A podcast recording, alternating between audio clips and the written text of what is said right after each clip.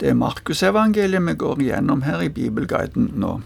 Sist gang, og gangen før, så vi at Jesus var populær, men det var også økende motstand mot han ifra de religiøse lederne.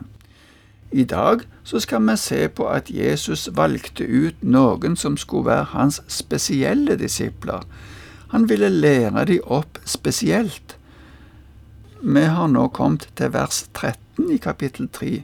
I dag så skal vi lese resten av dette kapittelet, men først skal vi lese ifra vers 13 til 19.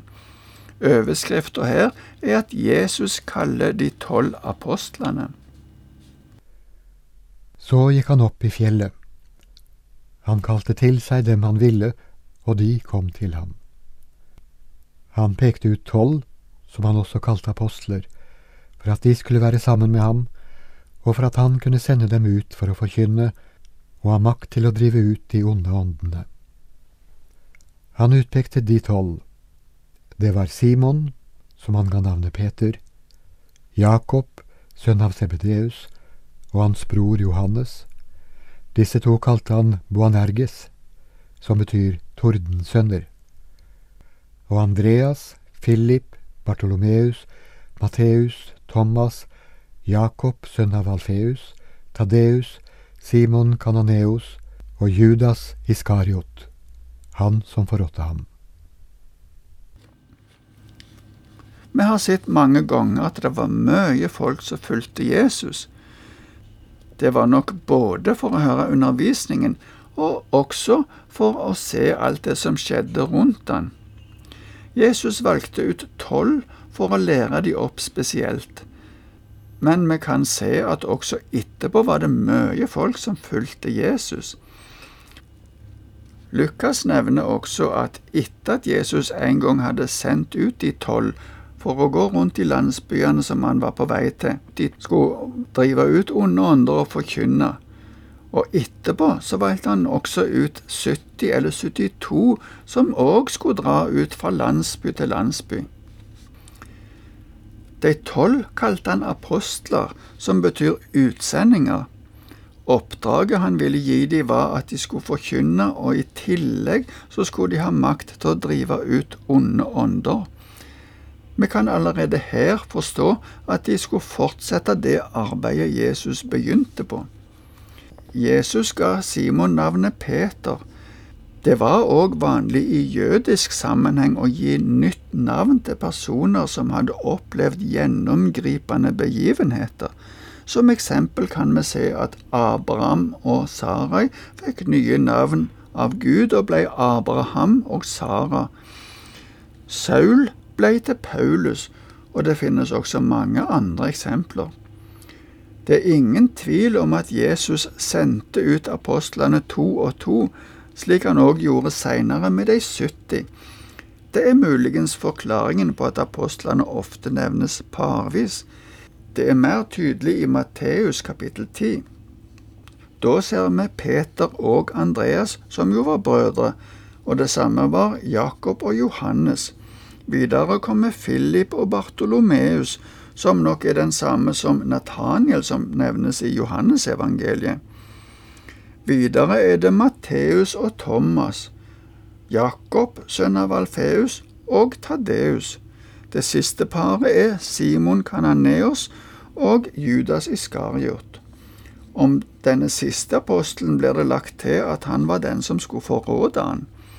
De andre disiplene visste ikke det før det skjedde, men da det ble skrevet ned, ble dette lagt til som en forklaring. Likevel så vet vi at Jesus visste det, i alle fall lenge før det skjedde. En gang så sa Jesus, Har jeg ikke valgt ut dere tolv, og en av dere er en djevel? Det står i Johannes evangeliet kapittel 6 vers 70. I fortsettelsen skal vi lese at Jesus kom hjem igjen.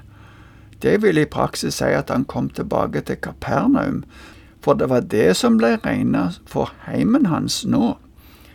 Igjen samla det seg mye folk, og nå skal vi se enda mer om at Jesus hadde makt over onde ånder. Vi leser i kapittel 3 ifra vers 20 til 30. Da han kom hjem, strømmet folk sammen igjen, så Jesus og disiplene ikke engang kunne få seg mat. Da hans nærmeste hørte det, gikk de av sted for å ta hånd om han, for de sa, Han er gått fra forstanden. De skriftlærde som har kommet fra Jerusalem, sa, Han har Beelzebul i seg, det er ved hjelp av herskeren over de onde åndene at han driver de onde åndene ut.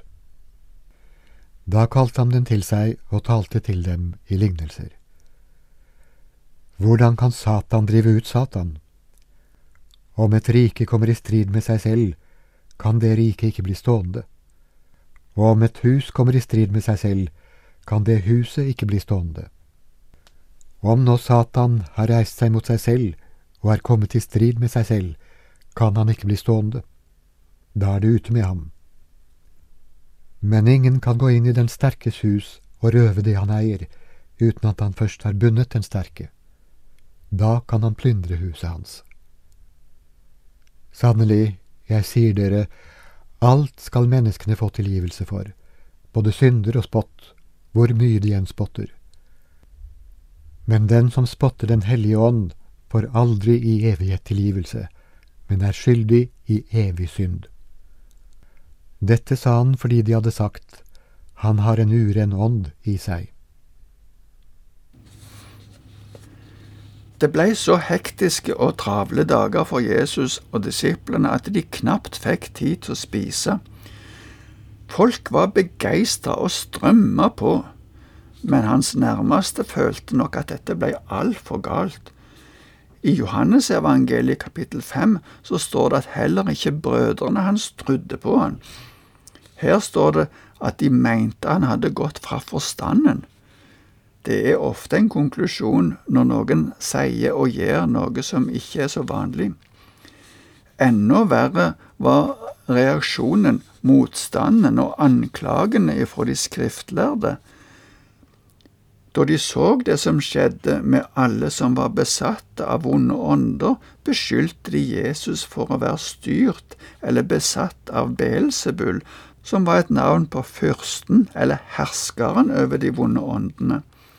Vi kan godt si at de beskyldte Jesus for å være et bud ifra Satan. Dette må vi kalle en slags bespottelse av Den hellige ånd, som Jesus sier i dette avsnittet. Jesus svarer med en slags sammenligning. Et rike, inklusive Satan sitt rike, kan ikke bli stående om det kommer i konflikt med seg sjøl. Den som seirer over Satan, må jo da være sterkere enn Satan. Jesus sier om seg sjøl at han er kommet for å gå inn i den sterkes hus, altså i Satans hus, for å røve det som han har makta over. Ut ifra Bibelen generelt kan vi si at Jesus har løst Satans lenker på den måten at de som tror på Jesus og følger Han, blir fri. Paulus forklarer i brevet til menigheten i Kolossé at Jesus kledde maktene og åndskreftene nakne og stilte dem fram til spott og spe da han viste seg som seierherre over dem på korset. I en annen bibeløversettelse står det at han avvæpna maktene. Så tar Jesus fram tilgivelsen. Når det gjelder tilgivelse for synd, er Jesus veldig romslig. Det er godt å vite, men det er ganske strengt når det gjelder spott mot Den hellige ånd. Det er et utsagn som ofte har blitt skremmende for mange, noen spør seg om det de har gjort eller sagt kan regnes som spott mot Den hellige ånd. Det kan lett oppfattes som lettvint hvis en svarer på dette.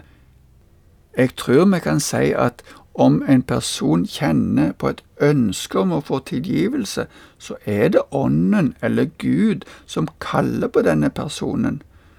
Alle som spotter Den hellige ånd, plasserer seg sjøl utenfor Guds forløsende nåde.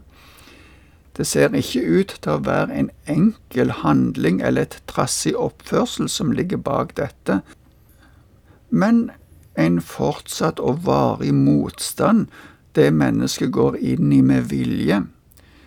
verbet sitt tid i dette tilfellet betegner en vedvarende holdning og ikke en enkelt begivenhet.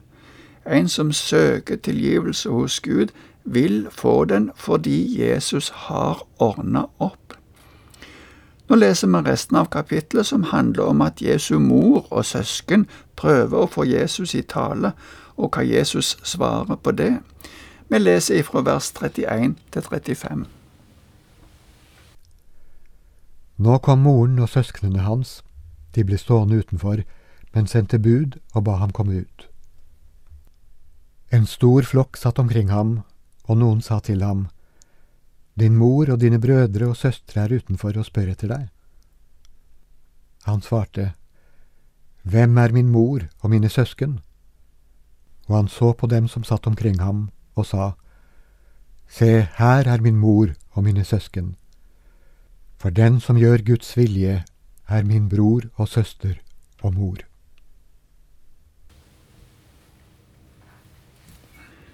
Vi får ikke vite hva søsknene til Jesus hadde tenkt å si. Vi så litt på det tidligere.